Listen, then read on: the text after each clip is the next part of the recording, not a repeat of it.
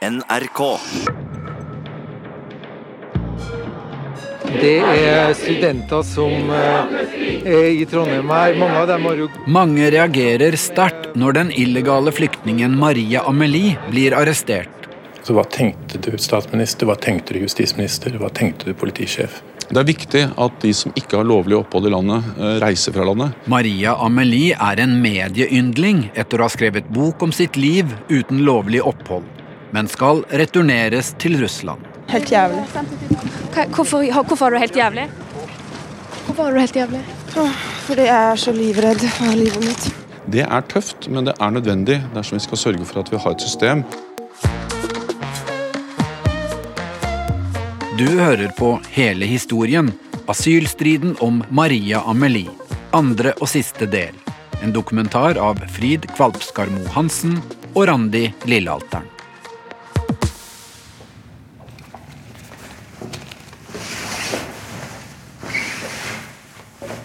Den 25 år gamle papirløse flyktningen Maria Amelie står splitter naken i et rom på politiets utlendingsinternat på Trandum. Noen timer før har hun blitt pågrepet av politiet. Hun hadde holdt et foredrag på Nansen-skolen på Lillehammer da ei gruppe politifolk stoppa og tok henne med seg i en politibil. Nå er to politikvinner i ferd med å gå gjennom innholdet i veska og alle klærne hennes. Grundig. Hun dama sto liksom og tok på BH-en min og hver eneste sånn millimeter av det, og trusene mine. og... På gulvet i rommet er det et speil. Og så sier hun du må sette deg på huk over speilet. Og jeg skjønte ikke hvorfor hun skulle gjøre det. Og så setter hun meg på huk, og så ser hun på en måte hva som er i speilet. Og da skjønte jeg å ja, hun er redd for at jeg smugler noe inni, inni meg. Etter kroppsvisiteringa fører ei politikvinne Maria til familieavdelinga. Ei egen avdeling for familier og enslige kvinner. Og jeg ble vist rundt på kjøkkenet, fikk en banan. Uh, la merke til at all bestikk, absolutt alt som fantes der, var plastikk. Det var ingenting skarpt uh, der. Så tenkte jeg hm, det, hva slags sted er det? Seinere skal Maria få erfare at det finnes gode grunner til å holde skarpe ting unna Trandum. Og så ble ført til rommet og låst inne på rommet. Det føltes som om jeg som om jeg døde, og så var det et nytt liv som startet, men jeg visste ikke helt hva som skulle skje. Advokat Brynjulf Risnes har ikke fått beskjed fra myndighetene om at klienten hans skal pågripes. Han vet ingenting før han blir oppringt av en som var til stede ved Nansen-skolen da Maria ble arrestert. Først så holdt jeg på liksom prøvde å ringe PU og alt mulig til langt på natt. PU er politiets utlendingsenhet. Men da var jeg så urolig at da, da er det helt umulig å sove. Så det er veldig... Så jeg husker den første kvelden og natta var fryktelig frustrerende. Altså med, hvor du ikke visste noen ting. Og jeg følte et veldig ansvar òg. For det første så har jeg sagt at det som nå åpenbart har skjedd, det er ikke særlig sannsynlig. Jeg har sagt til at det skal skje. Um, så da um, Det var det ene. Uh, så jeg visste jo at, hun hadde, at dette hadde vært helt uforberedt for henne. Uh, samtidig så hadde jeg ikke anelse. Jeg, så jo for meg at hun kan bli skyssa ut på Gardermoen, at, hun var på vei til Moskva neste morgen. Det, det var jo en, en teoretisk sett en mulighet. Når kjenningen til P2s Nyhetsmorgen går dagen etter arrestasjonen, er det pågripelsen av Maria Amelie som er hovedsak. Den papirløse innvandreren Maria Amelie ble sent i går kveld pågrepet av Politiets utlendingsenhet, som vil kaste henne ut av landet. Hun har gitt ut bok om livet som ulovlig nordmann, og ble like før jul kåret til Årets nordmann av tidsskriftet Ny Tid. I går kveld ble hun arrestert etter å ha holdt et foredrag på Nansen-skolen på Lillehammer. Rune, du må ringe advokaten din. Her blir årets nordmann pågrepet. Etter et foredrag på Nansen-skolen var Maria Amelie ute på en liten spasertur da åtte sivile politifolk kom og tok henne med seg. Det forteller Simon Stromsø, som var med på turen. Og Da kom de gående, fem-seks stykker, og så kom det tre stykker bakfra. Og Så tok de tak i henne og dro henne inn i en svær svart varebil som sto der. Kjæresten til Maria, Eivind Trædal, og advokat Brynjulf Risnes har vært våken hele natta. Nå sitter de i et radiostudio hos NRK.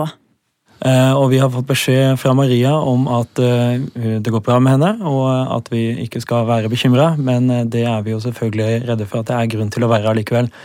Hun er jo naturligvis nokså sjokkert. Det var jo dramatisk, dette, og veldig uventa. Samtidig er hun jo fryktelig flink til å håndtere motgang, så hun holder motet oppe og er innstilt på å gå videre med saken og vise at eh, det ikke er noe grunnlag for at hun skal sendes ut. Eivind Tredal, eh, kort replikk til deg før vi runder av. Ja, Maria har ikke levd i skjul, og så vidt jeg kan se så har hun bare gjort tre ting galt her, som tydeligvis har vært for ille for asylvesenet. Hun har kommet hit med familien sin og søkt beskyttelse. Så hun skaffet seg et liv i Norge som jeg og veldig mange andre er en del av. Og så har hun stått åpent fram som papirløs og kjempa en sak for seg sjøl og veldig mange andre som er brennaktuelle i dagens samfunn. Og straffen for det er tydeligvis enten tvangsdeportasjon, som også kan ha døden til følge. Det var ganske irritert. og husker jeg, det jo, De første måtte, var jo på sånne nyhetssendinger mm, nokså mange ganger. da. Og da husker jeg, da, jeg, da, da gikk det litt utover Pål Lønseth, tror jeg, da jeg møtte han. da. Hallo, hva vi skal diskutere? Jeg vet ingenting. Jeg har ikke fått noe dokument. Han hadde ikke med seg heller.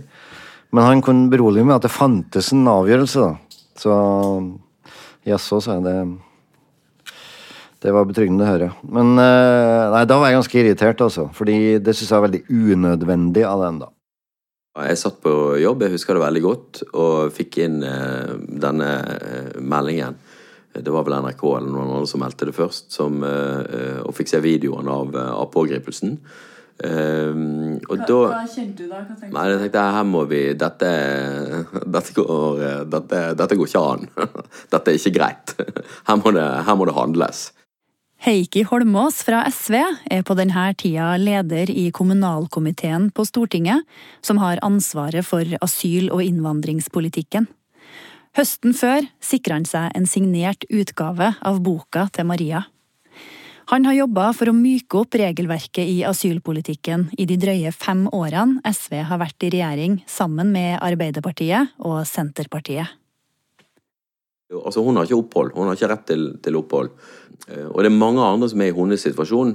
Men så velger altså politiet og utlendingsmyndighetene målrettet å gå etter hun som har hevet stemmen for å dra i gang en debatt. Altså det, det anser ikke jeg bare som, et, eh, som på en måte en, en, oppfylling av et fattet vedtak. For det er ingen tvil om at sånn som det lå, så skulle eh, Maria Amelie ut av landet. Så det er ingenting galt per se i det som gjøres. Men det pågår faktisk en debatt, og her har vi en sentral samfunnsdebattant som man prøver å, å, å kvele stemmen til, rett og slett. Over hele Norge reagerer folk sterkt på at Maria Amelie er pågrepet. I løpet av natta har det blitt danna ei Facebook-gruppe som har fått flere tusen følgere. Det er varsla demonstrasjoner i flere norske byer. Mannen som skal forklare hvorfor Maria blir behandla på denne måten, heter Pål Lønseth og er statssekretær i Justisdepartementet for Arbeiderpartiet. Nei, det er mange som tror at eh, beslutningen om å pågripelse kom fra justisministerens kontor. Men eh, det er jo ikke sånn norsk politi eh, virker. Vi hadde ingen, ingen beslutning rundt det. Men jeg ble orientert om at hun kom til å bli pågrepet Eh, dagen før, eh, vel, eh, så jeg husker. Vi var veldig nøye på at vi skulle utforme politikken. Vi skulle ikke ha vi skulle ikke tilbake til det gamle regimet hvor det var politikerne som satt og avgjorde enkeltsaker. Sånn var det før. Det mente vi var en uting. Så, og vi holdt det veldig fast på det prinsippet. Man skal huske på at vi visste at hun kom til å bli pågrepet. Vi visste at uh, hun kom til å bli pågrepet på Nansen-instituttet. Vi visste at dette kom til å skape et massivt bråk. Uh, likevel så holdt vi fast på at uh, politikerne ikke skulle blande seg inn i enkeltsaker.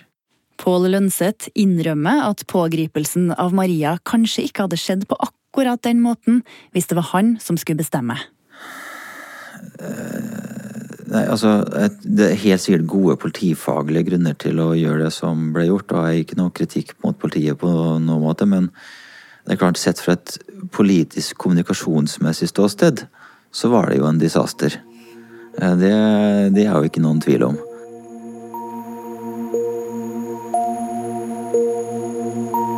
I Oslo tingrett går døra opp til en av rettssalene.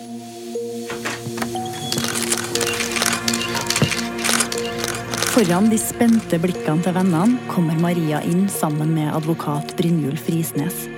Hun har fremdeles på seg det blomstrete skjørtet og den svarte omslagstoppen som da hun holdt foredrag på Nansen-skolen kvelden før.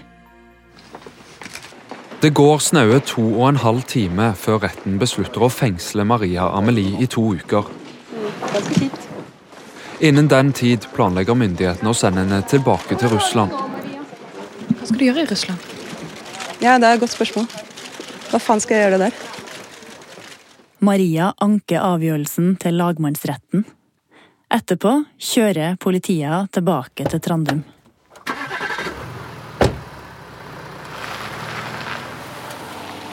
Og da hadde jeg egentlig hele veien vært omringen enten av advokaten min eller av politiet. Så jeg trodde at jeg kan bare gå til rommet mitt igjen og kollapse. Men så fikk jeg beskjed nei, du skal inn på å bli kroppsvisitert igjen. Og så var jeg sånn, men hæ? Dere har jo fulgt med på meg hele veien. Jeg har jo ikke vært alene i et sekund. Nei, vi skal fortsatt kroppsjustere det. Og da hylket jeg mens jeg tok av meg um, klær og um, satte meg på huk på speilet, tok på meg klær igjen. Da, da tror jeg til og med de politidamene følte litt synd på meg. Maria Amelie-saken dominerer alle medier. Kulturlivet, som Maria var en aktiv del av, mobiliserer som bare kulturlivet kan. Dette er nok et eksempel på den blåøyde norske ondskap. Det sier lyriker Jan Erik Vold, som selv har truffet den papirløse flyktningen Maria Amelie. I løpet av åtte år som papirløs har hun ikke bare skaffet seg en utdannelse. Hun har i flere år vært engasjert i norsk musikkliv, som turnéleder for rockebandet Big Bang og ansvarlig for tusenvis av frivillige under Slottsfjellsfestivalen.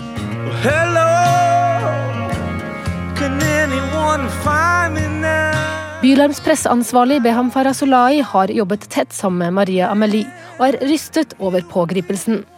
Norge er flinke til å protestere høylytt når det skjer brudd på menneskerettigheter i andre land, men bør også i større grad konsentrere seg om å feie for egen dør.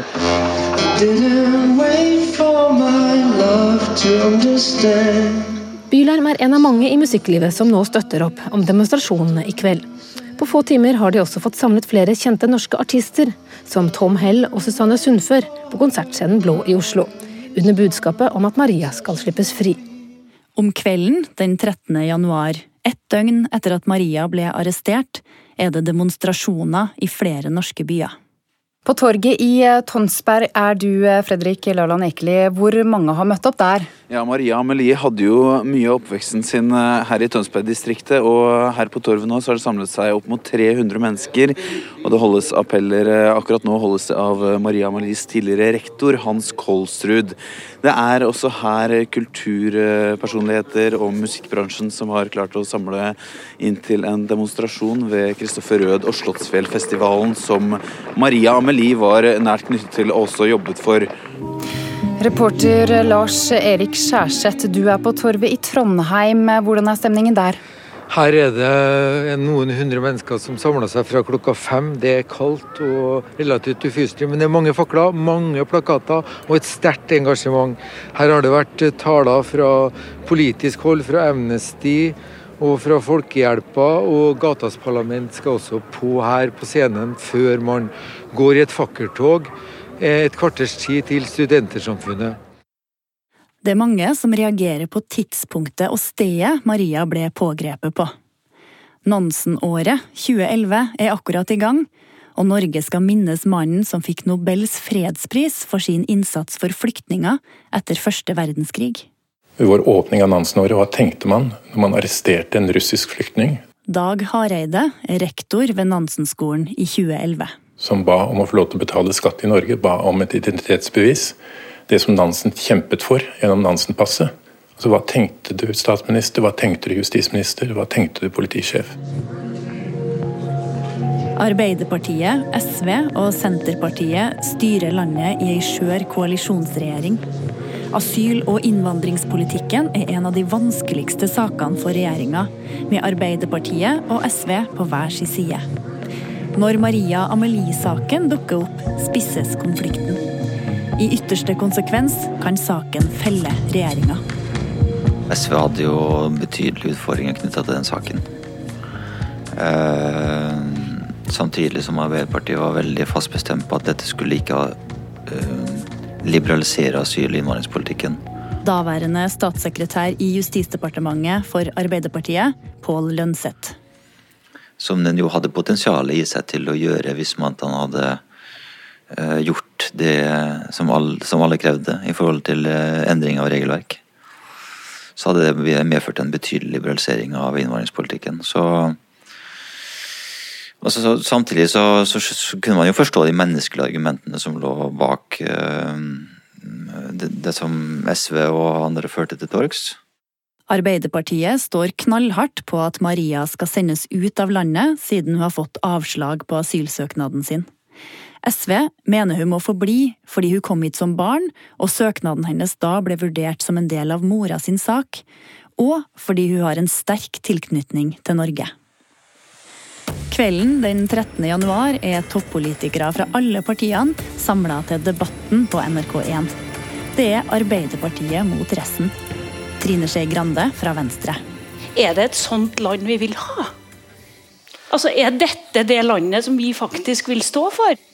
Høyre mener man bør åpne for at politikerne kan ta styringa over utlendingsmyndighetene i denne typen ekstraordinære saker. Frp syns ikke det henger på greip at Maria skal kastes ut. Hadde det vært sånn at man hadde fått ut mulla Krekar, fått ut eh, ulovlige innvandrere som begår kriminelle handlinger i Norge, som står og, og pusher dop langs eh, Akerselva Hvis man hadde fått ut eh, eh, potensielle terrorister som går fritt i Norge, ja, så hadde man kanskje skjønt det. Men det er jo din jobb man må gjøre først. Og da ser ikke jeg at Amelie kommer spesielt høyt opp på den lista. Og konflikten mellom de to regjeringskameratene SV og Arbeiderpartiet vises tydelig fram. Daværende statssekretær Pål Lønseth. Jeg husker Heikki. Han, eh, han, eh, Jeg tror de var i, eh, i en debatt på NRK som sa at han fikk spørsmål om hvor lenge SV sitter i regjering, og han sa at vi sitter sitter til eh, i hvert fall til Amelie får bli, eller noe sånt. Altså, Skal dere fortsette å være i regjering sammen etter dette? eller? Vi sitter i regjering til vi får til det vi vil, og i denne saken så handler det om at Maria og Amelie skal få bli. Det, det, er klart det, det gir en viss fallhøyde uh, for SV. Og det skaper en dynamikk inn i forhandlingene, selvfølgelig. SV på sin side mener Arbeiderpartiet legger til rette for like stor fallhøyde på den andre sida. Her er Heikki Holmås. Et av de tingene som er dypt problematisk i saken, ehm, det er jo at, ehm, at Jens Stoltenberg er på radioen og sier, han sier to ting. Det ene er at Maria Melin skal ut av landet, for hun har ikke rett til opphold. Og det er ganske spesielt at statsministeren går inn i en enkeltsak på den måten og, og, og gjør det. Og det andre han sier, det er noen må stå opp for systemet. Daværende statsminister Jens Stoltenberg sa det her i NRK Dagsnytt 13. januar. Det er viktig at de som ikke har lovlig opphold i landet, eh, reiser fra landet. Det er tøft, men det er nødvendig dersom vi skal sørge for at vi har et system som gjør at vi kan gi opphold, beskyttelse, ta vare på de som virkelig har problemer, som er forfulgt, som er de aller svakeste. og Det er det vi nå sørger for. Situasjonen er låst, og begge parter vet at de må finne en løsning hvis de skal berge regjeringa ting måtte løses. Oppi det hele så tror jeg også SV hadde et landsstyremøte eh, midt oppi dette, hvis jeg husker helt feil, som, som ga et visst tidspress også, fordi dette var en, den store saken for SV på det landsstyremøtet. og uh, Vi var selvfølgelig litt redde også for hvilke konsekvenser dette hadde for SV som regjeringspartner. Hvis vi ikke klarte å nå fram til en eller annen løsning som alle kunne akseptere innen en viss frist. I veldig mange saker så er det jo sånn at når vi satt i regjering sammen, så eh, var vi eh, milde i tonen overfor hverandre i den måten, den forstand at vi var åpne for at her skulle ting forhandles. Eh, her, eh, her, skal vi diskutere oss frem, og skal vi finne frem til et kompromiss. Men i denne saken så eh, var vi knalltydelige. Og sa bare at eh, i denne saken her så, så, skal, så skal vi ha gjennomslag. Heikki Holmås fra SV er likevel ikke redd for at regjeringa skal ryke. Det var ikke aktuelt å ikke komme frem til en enighet. og Det tror jeg at uh, Jens forsto, og det forsto Pål Lønseth, uh, og det forsto uh, alle. Men så skulle vi ha et landsstyremøte i SV mm, helgen etterpå. Og det ble veldig tydelig, og Kristin ga veldig klar beskjed om at vi skal ha klart en løsning før det landsstyret.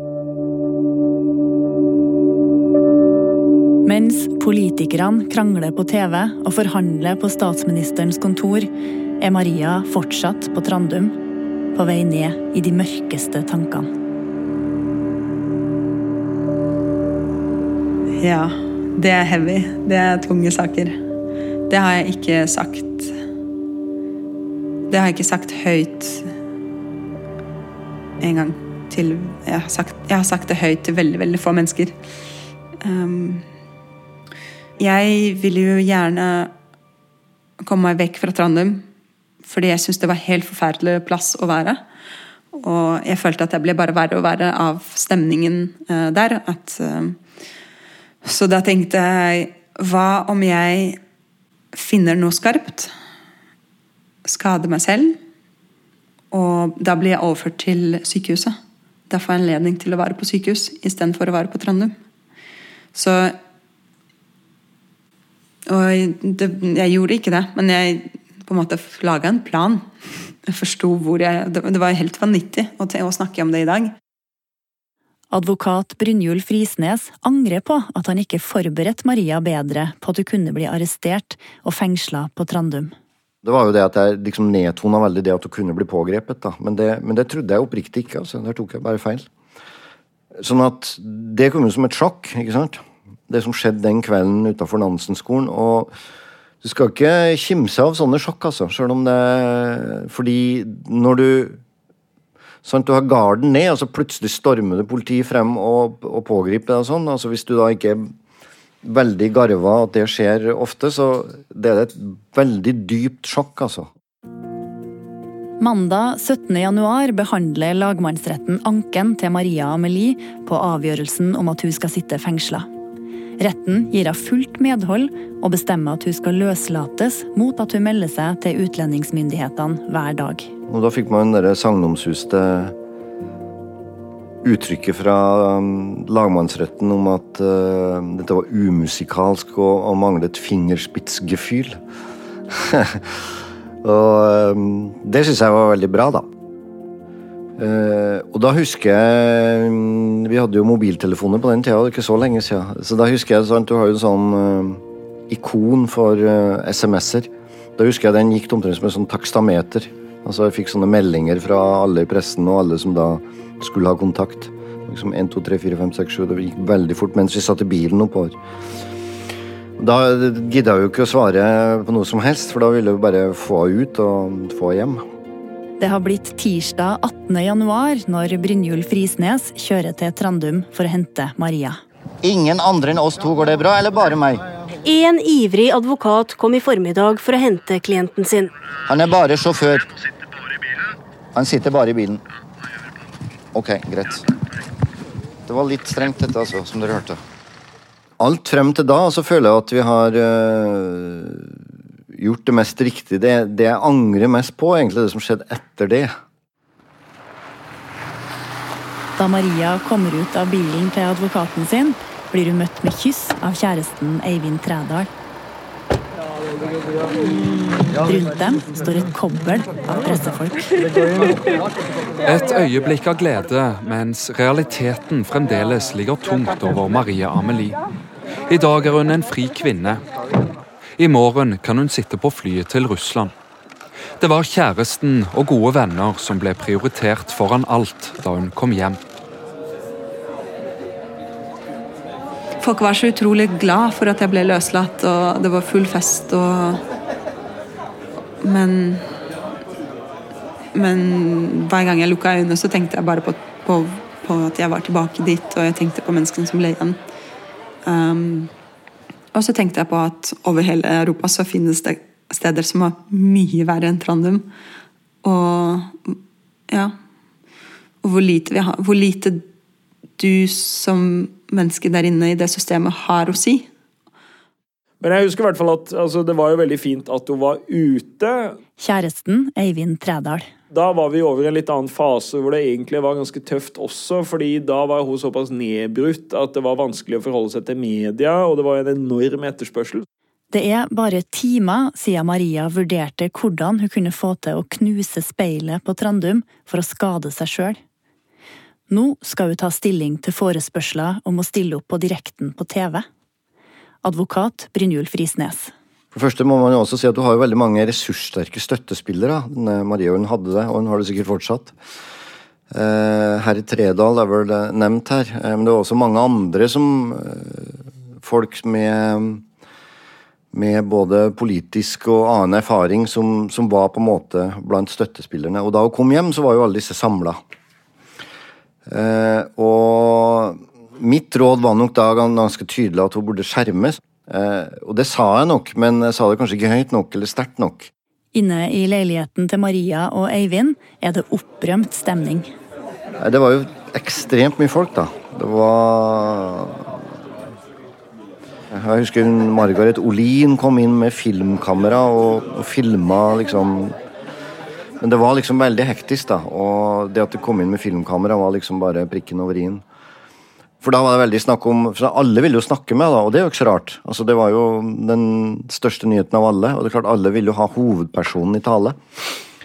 Så det at alle nyhetsstudioer da sto med dørene på vidt gap, det skjønte jo alle for så vidt. Eh, men jeg var ikke like sikker som de andre var på at man skulle benytte disse mulighetene da. Og jeg eh, prøvde å si til Maria at du er sikker på at du skal gjøre et intervju nå, og sånt, men jeg kom ikke gjennom til Vennen Tor Rikard Isaksen. Hun var fjern. Telefonen ble sendt mellom flere personer, og gikk da inn i det intervjuet. Hun var ikke klar for det som kom. Og så var, det, var jeg plutselig på Dagsrevyen. Og tror jeg prøvde liksom å formulere litt på forhånd hva jeg skulle si. Og kjente at jeg hadde egentlig ganske god mestringsfølelse, men i etterkant så ser jeg at jeg kanskje ikke hadde det. Men har du noe å være redd for? Noe, noe... Jo, absolutt, og det har jeg jo hatt. Det var så mange ganger jeg drømte om at Utlendingsnemnda eller UDI ville kalt meg inn på et asylintervju, hvor jeg faktisk fikk mulighet til å forklare det, istedenfor å forklare det til mange medier at jeg er veldig redd. Men det har aldri skjedd, faktisk. For å kunne forklare årsakene til den frykten. Er det noe farlig? Det er farlig, og det er en Hva er det som er farlig? det, er, eh, det er ting som man ikke kan si på ett minutt her på det korte intervjuet. Jeg hadde intervju med på Dagsrevyen, og så husker jeg at jeg var veldig letta for at jeg var ferdig. Og da kom Ole Torp eh, inn og spurte om jeg ville være med på Kveldsnytt. er ikke det han hadde? Programmet het Aktuelt. Jeg var veldig usikker, og han um og han var innmari hyggelig. Han overtalte meg.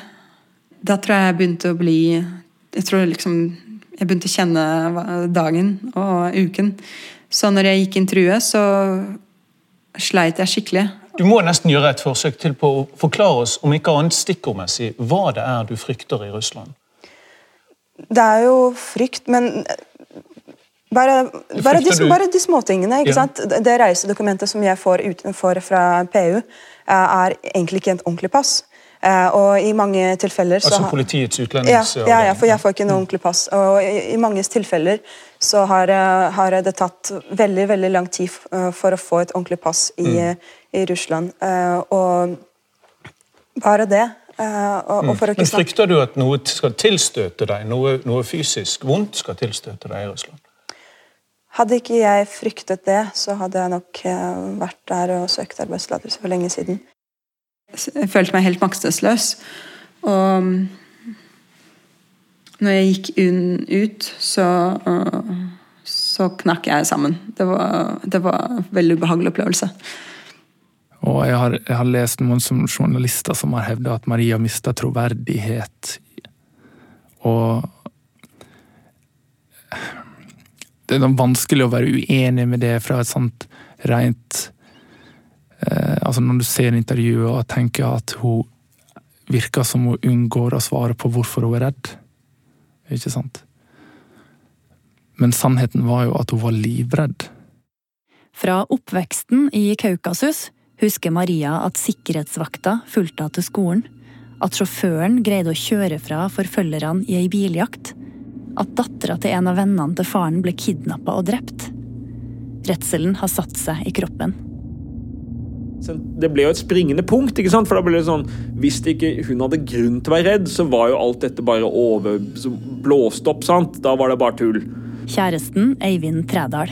Um, og det husker jeg at hun ble veldig pressa på. Blei, syntes det var vanskelig å svare godt. og vi, da husker jeg vi gikk med en vond følelse i magen. At vi burde ha liksom latt være å utsette henne for det, og liksom vente at hun var klar til å om det på en bedre måte. på en måte. Hun var jo i hvert fall på direkte-TV, da.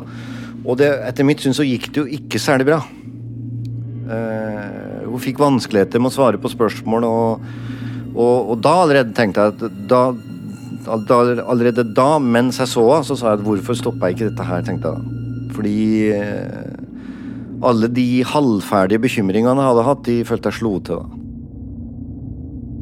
Tor Rikard Isaksen ser nå at folk begynner å endre mening om hva som bør skje med Maria. Det, det var vel også noen opinionsundersøkelser som ble publisert. 65 eller noe sånt av den norske befolkning mente at hun burde få bli. Og så var det ble gjort en undersøkelse omtrent den dagen det ble klart at uh, hun kunne få søke opphold igjen. da. Uh, så var vel det uh, sunket til rundt 50% Og det skjedde i løpet av noen dager. Og jeg tror at hvis saken hadde pågått en uke til, to uker til, så kunne han fått et annet utfall for Maria. Etter den uheldige kvelden med intervjuer i NRK prøver Maria å holde seg unna pressen. Sammen med kjæresten Eivind melder hun seg hos Politiets utlendingsenhet hver morgen. Samtidig jobber regjeringa mot klokka for å finne ei løsning. Det fungerer jo alltid sånn i forhandlinger. I første runde så prøver man å føle på hverandre og se hva slags type åpninger er det som finnes, hvor, er liksom, hvor, finner vi, hvor er det mulig å finne felles multiplum. Heikki Holmås fra SV. Men det var jo fryktelig mye innvendinger mot, mot alle ulike forslag vi kom opp med. Hele faktum var jo at vi var dypt uenige om det var nødvendig å gjøre noe som helst. Så de innledende rundene var jo, var jo tunge, altså. Når vi kommer tilbake igjen seinere, så sier det seg sjøl at når vi sitter etter klokken er tre om natten, så, så, er, det, så er det fordi at her, her Jeg skjønner alle at her må vi lande noe. Kristin var veldig tydelig. Sant? Hun sa bare 'jeg drar ikke på landsstyremøtet i morgen uten at vi har blitt enige om en, en løsning her'. Fredag 21. januar starter SV sitt landsstyremøte. På vei dit er partileder Kristin Halvorsen gjest i Politisk kvarter. Velkommen, SV-leder Kristin Halvorsen. Takk for det. Forklar oss hvorfor løsningen dere har landet på i Amelie-saken er logisk. Det er fordi vi har funnet et spor langs arbeidsinnvandringsløsningen for å gjøre det mulig for Maria Amelie å søke arbeidstillatelse i Norge. Og hvis hun får det, kan hun returnere og begynne å jobbe her. Løsninga innebærer at Maria først må reise til Russland, og så søke arbeidstillatelse derfra. Det var ikke mange dager siden vi begynner liksom å tvile om dette her kom til å gå. ikke sant? Og så plutselig får vi beskjeden gjennom media at de har funnet en løsning. Vennen til Maria, Tor Rikard Isaksen. Så vi var en, enormt letta. Maria reagerte veldig annerledes på det. Jeg husker at Maria var dritredd. Og til tross for at, hadde, at det forelå en løsning, så er jeg veldig usikker på om Maria opplevde det som en løsning på det tidspunktet.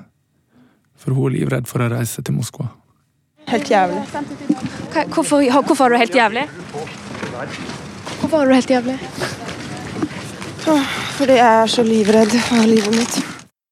Resultatet av dager og netter med forhandlinger er en liten endring i forskriftene. Fordi Maria har høyere utdanning og tilbud om fast jobb i Teknisk Ukeblad, blir innreiseforbudet til Norge oppheva.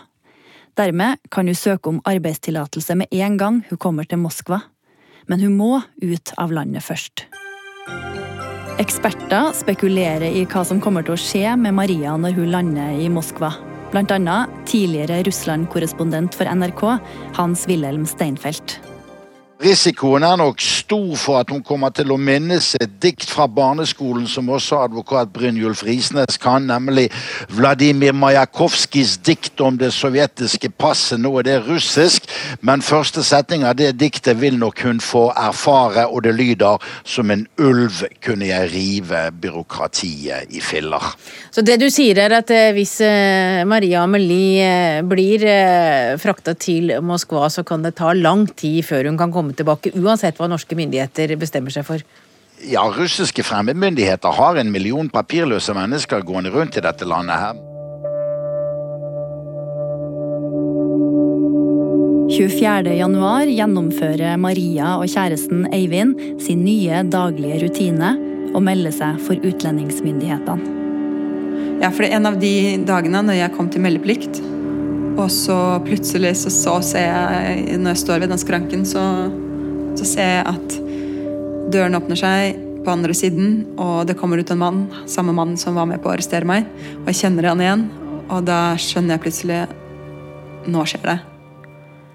Og da husker jeg at jeg holdt meg fast i skranken, fordi Eivind, som skulle bli med meg på flyet, hadde lagt igjen kofferten sin i bilen. Så han bare løp ut for å hente kofferten sin, og politimannen prøvde å fjerne meg, på en, måte å føre meg fra skranken inn i et annet rom. Og så sa jeg nei, ikke til han er tilbake. Maria bare sank helt sammen, husker jeg. Det var nesten som hun kollapsa på gulvet. Men det var veldig sånn, hun ble helt eh, liksom panisk. Jeg hadde jo mobilen min, så jeg fikk jo ringt litt rundt. Og jeg fikk også husker jeg sendte ut et bilde av at hun satt inne på cella, som også fikk spredd til medier. Så da fikk vi liksom ut informasjonen. Så da ble jeg satt eh, inn på flyet, og det var Det var veldig rart. Og det var så lenge siden at jeg hadde flydd at jeg ikke visste Jeg husket ikke hvordan man putta på sikkerhetsbeltet, og man fikk den av. Um. Det ble jo sånn rar at selve deputasjonen så satt vi nå der med liksom halvparten av Medie-Norge rundt oss, føltes det som. da, Med ja, liksom Hals Wilhelm Steinfeld satt ved siden av. ja, nei, 'Det går bra, det er Moskva, det går fint.' Og, og vi var jo superstressa, men det kunne liksom ikke Og Maria lå jo bare der og var helt ute. Altså. Så det var, en, det var en veldig rar situasjon. Og så landet vi, og og, da vink, og vi gikk ut på vei til passkontrollen, og da vinka politiet. Ha det! Og Da sto jeg der aleine med russisk grensekontroll. Og de så lenge på papirene mine og så på meg, og så sa de ok, vi må ta deg inn til et rom. Så ble jeg tatt med på et rom, og det første grensevaktene spør meg Var ikke du årets nordmann? Hvorfor i helsike deporterer de deg?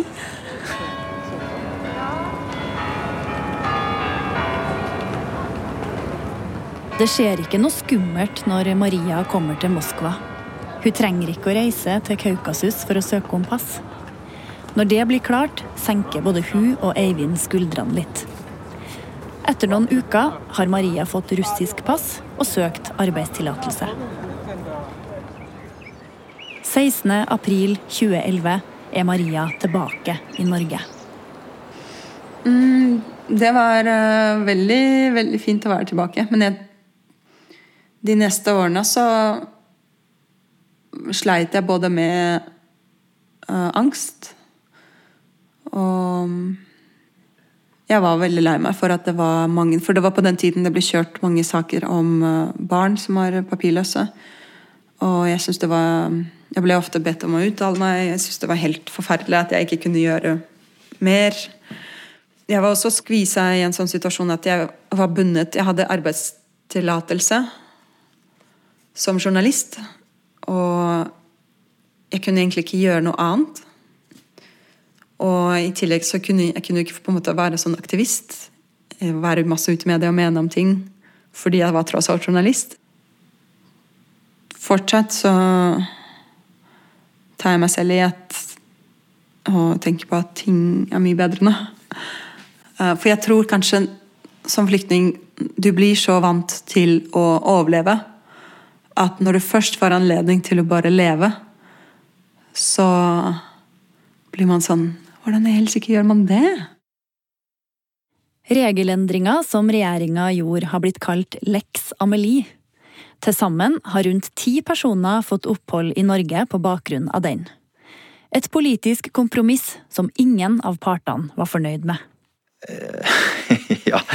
Eh, ideelt sett så syns jeg at eh, altså Den ideelle løsningen sett fra mitt personlige ståsted, eh, det er at vi hadde helt og holdt holdt fast på den politikken som lå.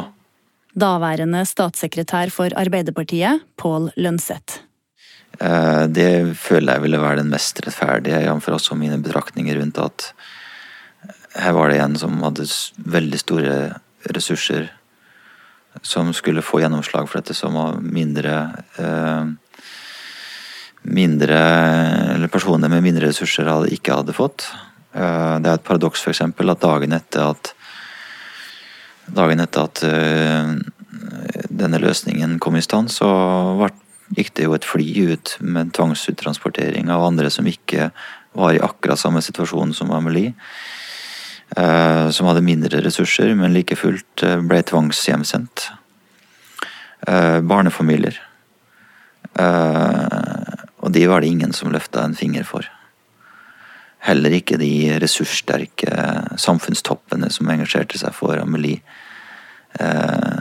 løfta en finger for de. Det syns jeg er skuffende, og det er, gir et paradoks inn i dette. Heikki Holmås fra SV skulle gjerne fått ei løsning som gjaldt flere.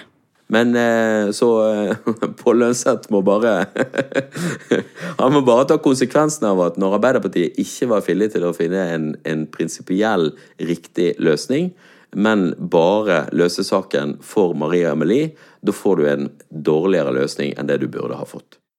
Et halvt års tid etter at Maria kom tilbake, reiser foreldrene ut av Norge.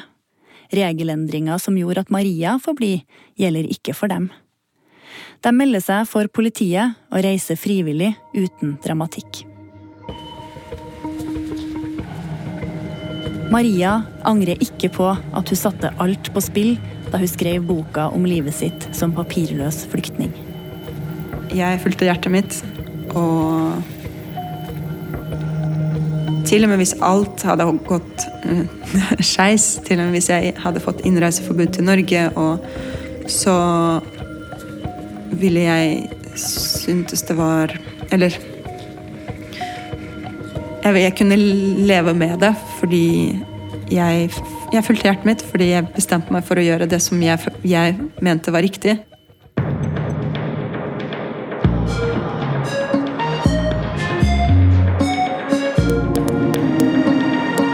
Du har hørt andre og siste del av asylstriden om Maria Amelie i serien Hele historien. Dokumentaren er laget av Frid Kvalpskarmo Hansen og Randi Lillealteren, som også leste kommentarene. Produksjonen er levert av Munch Studios. Lyddesign var ved Ambolt Audio. Vignettmusikken er laget av Nils Jakob Langvik. Jeg som heter Kjetil Saugestad var konsulent, og svarer på e-post hvis du har lyst til å sende oss noen synspunkter på radiodukk krøllalfa nrk.no. NRK.